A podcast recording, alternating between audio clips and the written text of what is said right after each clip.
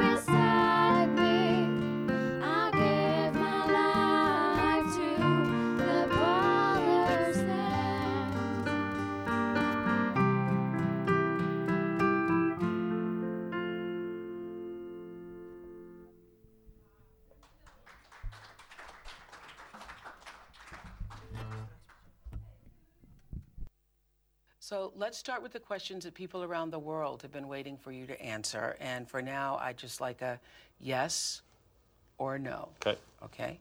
This whole conversation, we have a lot of time, will be about the details. Yes or no? Did you ever take banned substances to enhance your cycling performance? Yes. Yes or no? Was one of those banned substances EPO? Yes. Did you ever blood dope or use blood transfusions to enhance your cycling performance? Yes. Did you ever use any other banned substances like testosterone, uh, cortisone, or human growth hormone? Yes. Yes or no? In all seven of your Tour de France victories, did you ever take banned substances or blood dope? Yes.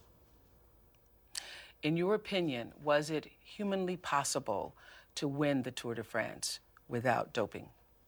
Seven times in a row. Not in my opinion. Eh, ik ben Koen Legermaten. Ik, eh, ik, eh, ik vind het een hele grote eer om hier in Leef te zijn vanmiddag. Ehm, als je hier voor het eerst bent, eh, ik ben hier niet eh, standaard spreker in deze meetings, dat is Theo Visser. En ehm, ik heb goed contact met hem en ik spreek hem regelmatig. En eh, als ik eh, merk hoeveel liefde hij heeft voor jullie mensen, dan vind ik het heel bijzonder eh, dat hij zijn podium vandaag voor mij ter beschikking heeft gesteld. Dus een hele grote eer. Ik vind het ook wel spannend om, om die rol voor één keer van hem over te nemen. Hij is even terug naar waar hij ooit begonnen is, in de ICF, waar ik op dit moment eh, vaste spreker ben. Dus we hebben een keertje geruild. We dachten rustige zondag, maar ik heb begrepen, het is hier ook een rustige zondag. Hè? Dus ehm, ehm, het filmpje net, eh, Lance Armstrong. Uh, the bigger they are, the harder they fall. Ehm, en dat was ook wel in dit filmpje. 36 seconden. 36 seconden, vijf keer ja. En eh de hele beeld van die man, van alles wat hij gepresteerd heeft, is in heel de wereld totaal veranderd. Hè? Waar iedereen aan hem dacht vanwege die heroïsche gevechten op de bergflanken in Frankrijk. De herinneringen, hoe die toch weer terugkwam eh, vanuit achterstanden eh, op een manier die niemand had verwacht. Het blijkt allemaal nep te zijn. En dat is iets dat je heel vaak tegenkomt in deze wereld. The bigger they are, the harder they fall. Ehm, Bill Clinton, als ik zijn naam zeg, dan zeggen jullie...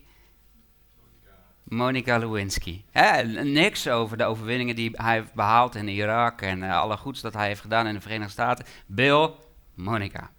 Eh, politiek, eh, sport, wetenschap. Diederik Stapel, misschien zegt het je helemaal niks, heb je geen verstand van wetenschap. Maar in de ogen van heel veel mensen is het enige wat nog betrouwbaar is, is de wetenschap. Diederik Stapel, prachtige onderzoeken. Als je veel vlees eet, dan ben je egoïstischer en ben je agressiever. Ik eet elke dag vlees. Eh, Zo'n beetje. Eh, d- niet als compliment, maar ik ben blij om te horen dat het blijkt dat hij al zijn data heeft vervalst. En eh, nou, ik sta hier om te spreken in een, eh, in een meeting over de Bijbel. Dus laat ik ook maar gelijk aan het begin zeggen. ehm, geestelijke ehm, in de wereld, die staan er ook niet zo fraai op. Eh, hoe groter iemand is, des te gruwelijker kan het misgaan. En i- wie kan nog, eh, wie kan nog spreken over, de, over Gerard Kemkers zonder te denken aan die foute wissel?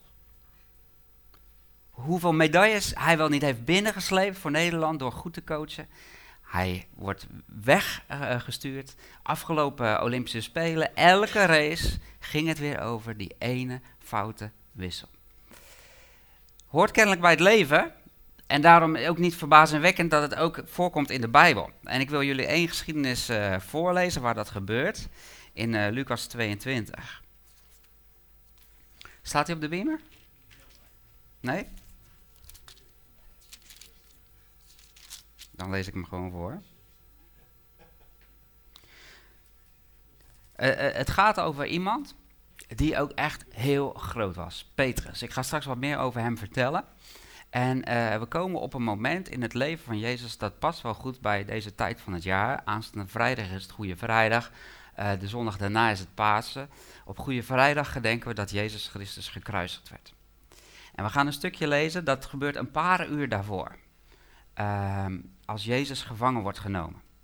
Nog een paar uur daarvoor eh, had Jezus dat al aangekondigd. En Petrus, die, die had op dat moment uitgeroepen: Jezus, al zal iedereen u verlaten, ik zal dat van zo lang zal zijn levensdagen niet doen.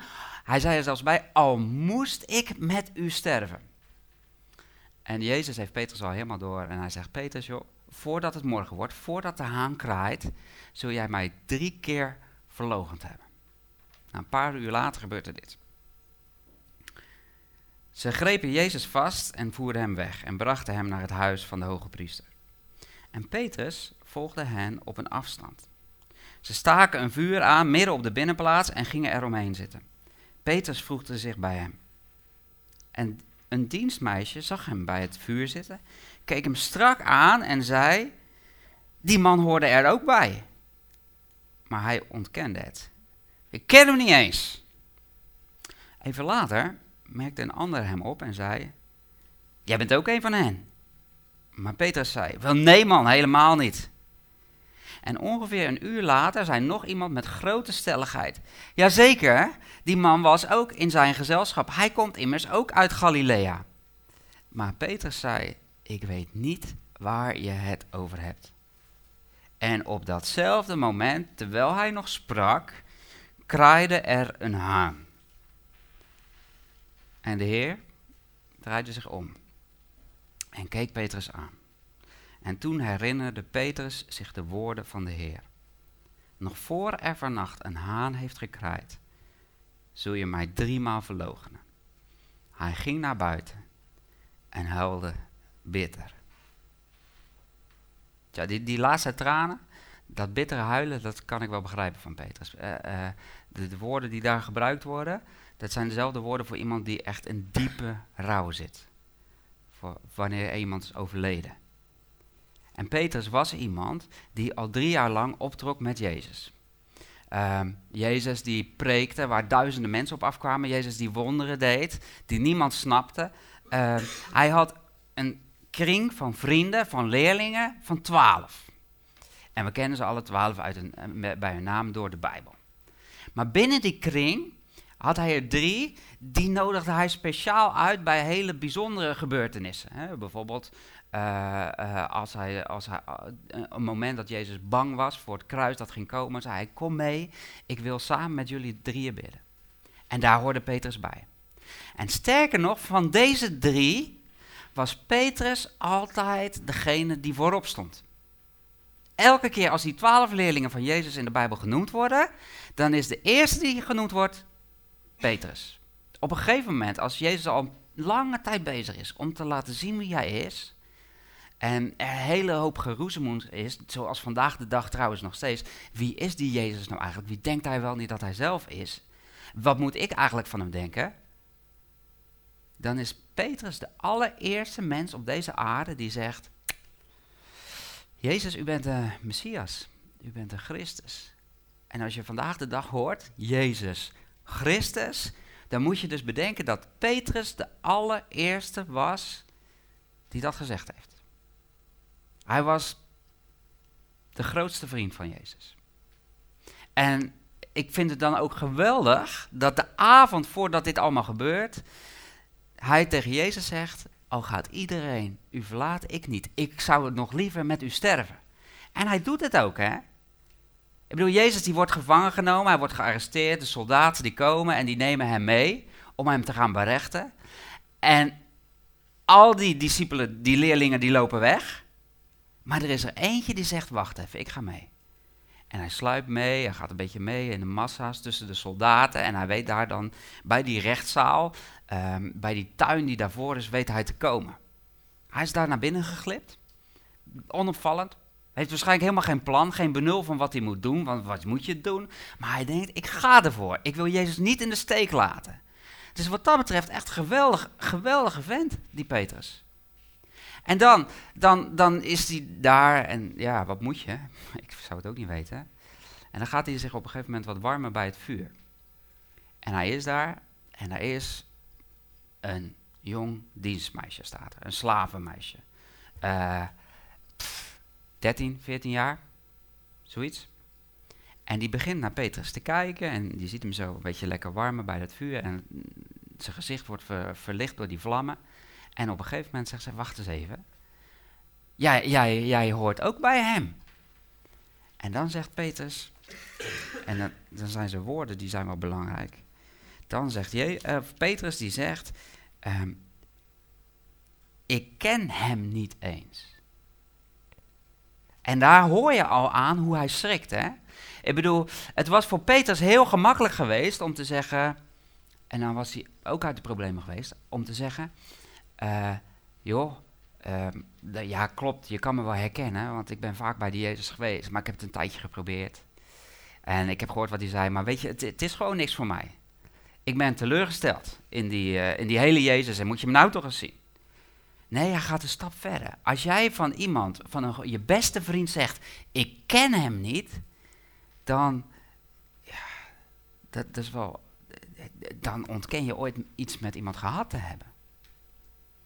En dan gaat het door en even later precies hetzelfde. En je hoort de irritatie in Petrus' stem, hè?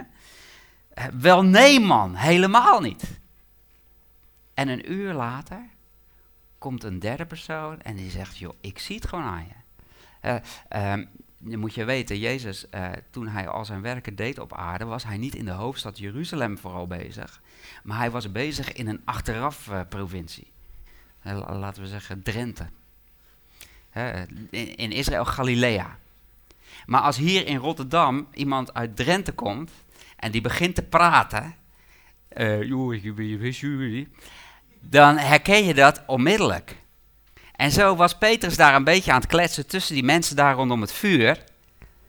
En dan zegt ze, ja kom, jij hoort ook bij Jezus. Ik herken me hier aan je stem. En op dat moment zegt Petrus het op zijn allerhardst. En hij zegt, eh, ik weet niet waar je het over hebt. Eh, er zijn vier personen die het leven van Jezus hebben beschreven uit zijn tijd. Matthäus, Marcus, Lucas, Johannes. En Marcus, die zegt er zelfs bij dat hij Jezus vervloekte. Hij wil zo duidelijk dat de mensen in de gaten hebben, ik heb niks met Jezus. Dat hij, dat hij iets gezegd heeft, eh, waarschijnlijk in grovere woorden dan ik nu zelf gebruik. Hij was een visser. Eh, ik vervloek die man. Nou, als je op een of andere manier een vriendschap wil verbreken, dan lijkt me dit een hele goeie. Ik vervloek je. En dat is wat Petrus heeft gezegd van Jezus. Drie keer. Ik ken hem niet en op het laatst zelfs heeft hij Jezus vervloekt. Het is bizar. Bizar dat, dat dit in de Bijbel staat. Ehm, ik, ik, ik, hou er eigenlijk helemaal niet van om te praten over iemand anders slechte dingen. En toch staat het in de Bijbel. Sterker nog, van die vier mensen die eh, eh, over het leven van Jezus hebben geschreven, die, die, die hebben variatie. Hè? Ik bedoel, eh, een heel belangrijk moment is de, het instellen van het laatste avondmaal. Maar drie hebben dat beschreven en de vierde, Johannes, die dacht, nou dat is al drie keer beschreven, ik ga er niet eens op in. Maar hiervan, die enorme grote fout van Petrus, hebben ze alle vier gedacht, dat schrijven we op, dat moet erin. Hè, toen er met de Olympische Spelen bezig was en Gerard Kemkers eh, weer naar voren werd gehaald en weer over vier jaar terug, dacht ik bij mezelf, man, laat die man toch eens, kom. Het is anderhalve seconde geweest. Moet dat nou weer? En hier, Petrus, ongenadig, vier keer. Waarom? En wat moet jij ermee vandaag? Nou, ik heb vier dingen wat wij ermee kunnen en waarvan ik hoop dat jij er ook mee kan. Het eerste wat ik wil zeggen is, ehm, voor mij helpt dit me om na te denken over de betrouwbaarheid van de Bijbel. Hoe bedoel je dat? Nou, als volgt. Eh, wat ik vaak hoor als ik met mensen in gesprek ga over de Bijbel en is het nou allemaal waar en kan het allemaal wel, eh, dan is een van de dingen die ik het vaakste hoor over de Bijbel is, weet je, die discipelen, die leerlingen die die Bijbel hebben geschreven, die hadden er wat aan. Ehm, als, je, als je bijvoorbeeld de Da Vinci Code hebt, hebt gelezen en zo, hè, dan, zeg je, dan, dan, dan, dan lees je daar, de Bijbel die is vervalst, want die kerk ontstond en ze wilden de macht houden, enzovoort, enzovoort.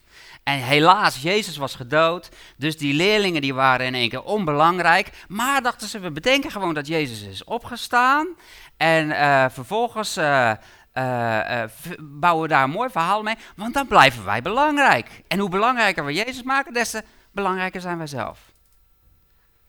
Maar stel je voor dat dat waar zou zijn van dat boek dat ik hier in mijn hand zou hebben. en zij gingen een boek verzinnen om te laten zien, eigenlijk komt het erop neer hoe belangrijk zij zelf zijn.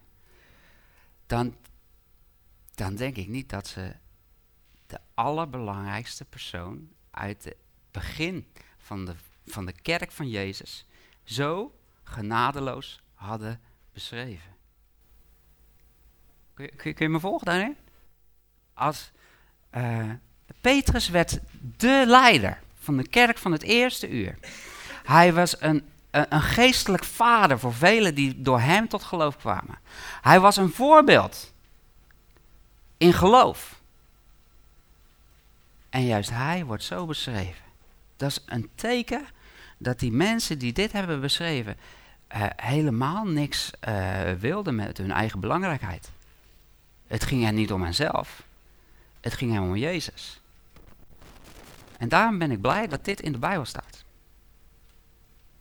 Is nog een reden dat ik blij ben dat dit in de Bijbel staat. Ik heb er vier opgeschreven, maar ik, ik ga even mijn volgorde in de gaten houden. Ja. Ehm, waarom ben ik nog meer blij dat dit in de Bijbel staat? Omdat het zo eh, herkenbaar is. Omdat het zo herkenbaar is. Weet je, ehm, ik, ik, ik hou ontzettend veel van Jezus. En eh, er is niemand die mijn leven zo positief heeft beïnvloed als hij. En tegelijkertijd ehm, herken ik het zo ontzettend dat Petrus op het ene moment een enorme belofte doet.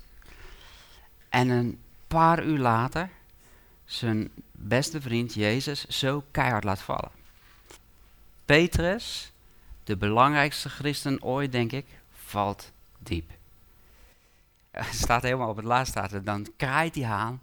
En dan staat er, hij herinnert zichzelf wat Jezus heeft gezegd. Hij herinnert. Hoe lang was dat nou daarvoor geweest?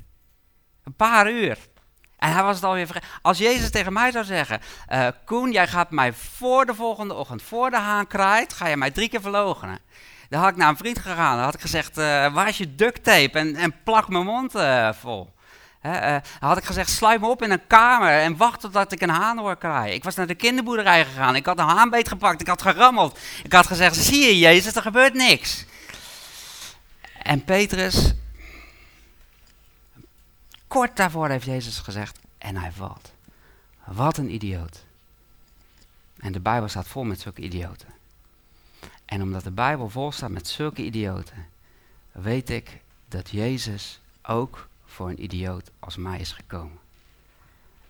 En daar ben ik hem heel dankbaar voor. En het volgende. Waarom staat dit in de Bijbel waarom is dit belangrijk voor jou? Omdat je hier iets ziet van Jezus wat je bij niemand anders ziet. Op het moment dat Petrus dit doet, draait Jezus hem om en kijkt hem aan. Waarom? Is Jezus boos? Is Jezus teleurgesteld? Hij had het al voorspeld. Terwijl Petrus dat lijntje doorknipt,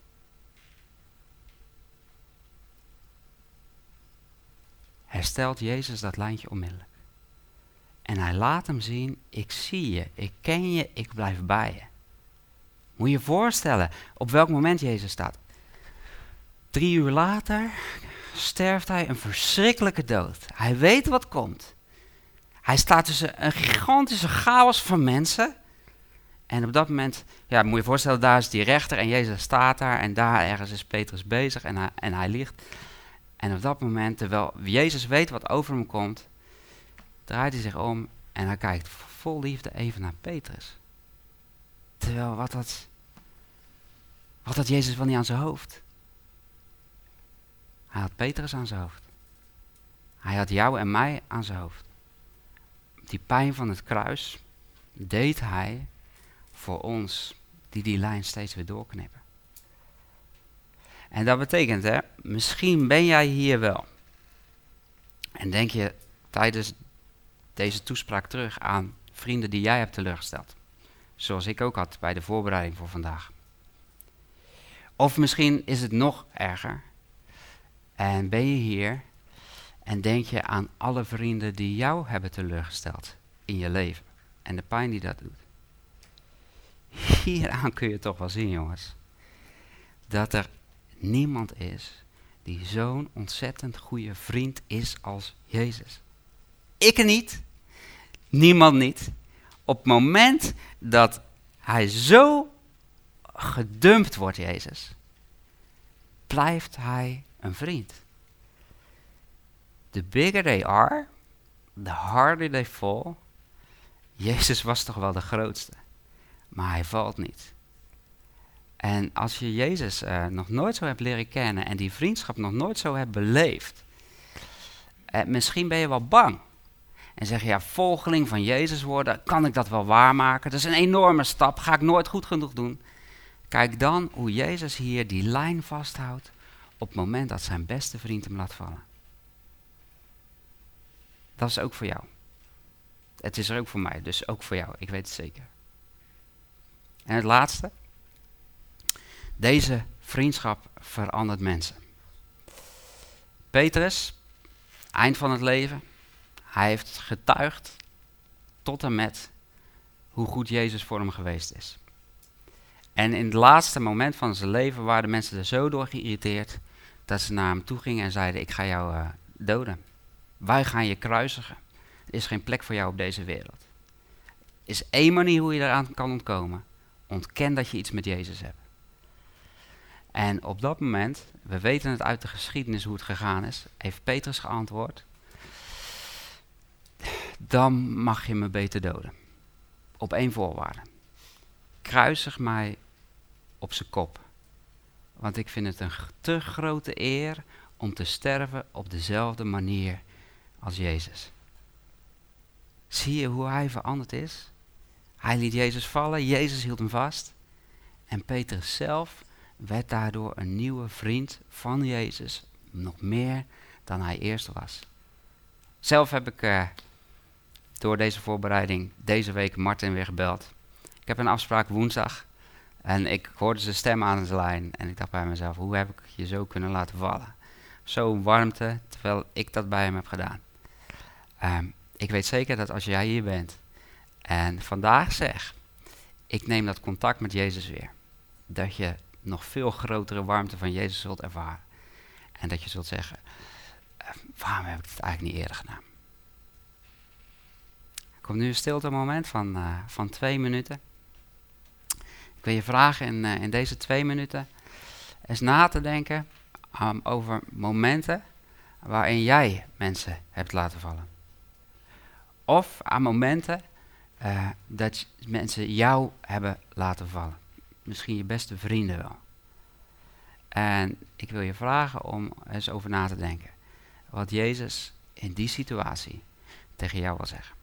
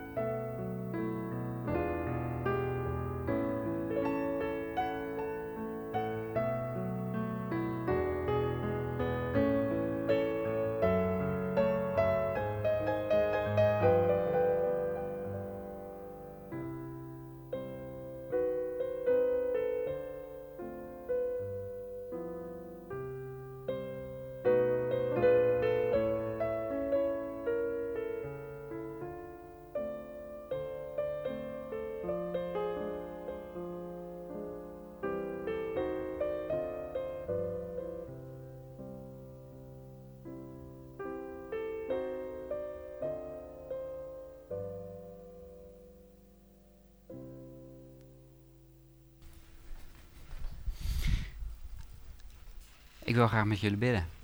En uh, die wil ik uh, afsluiten door woorden van zegen over jullie uit te spreken. En ik doe dat uit een brief van Petrus. hij heeft later heeft hij twee brieven geschreven die in de Bijbel terecht zijn gekomen. En dan lees ik een paar woorden voor, die spreken als zegen over jullie uit. Het zijn zo'n beetje de laatste woorden van die brief. Vader in de hemel, almachtige God, we willen u danken dat u eh, vriendschap met ons wil. We horen misschien wel regelmatig, eh, eh, als het gaat over het christelijk geloof, dat er het om gaat dat je schuld is vergeven. En dat klopt helemaal. Maar als we kijken naar Jezus, dan ontdekken we toch ook dat het er dan niet om gaat dat er allerlei foutjes worden weggedaan. Maar dat u in een relatie van vriendschap met ons wil leven. En dat is eh, fenomenaal. Dank u wel. Heer Jezus, dank u wel dat u op deze manier aan het kruis bent gegaan. En dat u dat niet deed in een soort roes of in een tunnel van dit moet nou eenmaal gebeuren. Maar dat u mij zag met al mijn teleurstellingen. En dat u iedereen hier zag met alle grote mislukkingen van ons leven. Dank u wel dat Petrus in de Bijbel staat. En dat het zo duidelijk wordt dat geen mislukking tussen u en ons in kan blijven. Dank u voor die genade. Ik wil u bidden voor iedereen hier die eraan moest denken, zelf een dreun te hebben gekregen van een goede vriend. Dat eh, kan een kras geven op je hart. In je huwelijk, een collega. Vader, ik wil u bidden om herstel. En weer de vrijheid om in vriendschap te staan. Om nieuwe banden aan te gaan. Maar meer nog, om die band van vriendschap met u te kennen. De levende God. En voor iedereen hier, de zegen van God. Wees ervan verzekerd dat het werkelijk de genade van God is die u en jou staande houdt. Vrede met jullie allemaal die één zijn in Christus. Amen.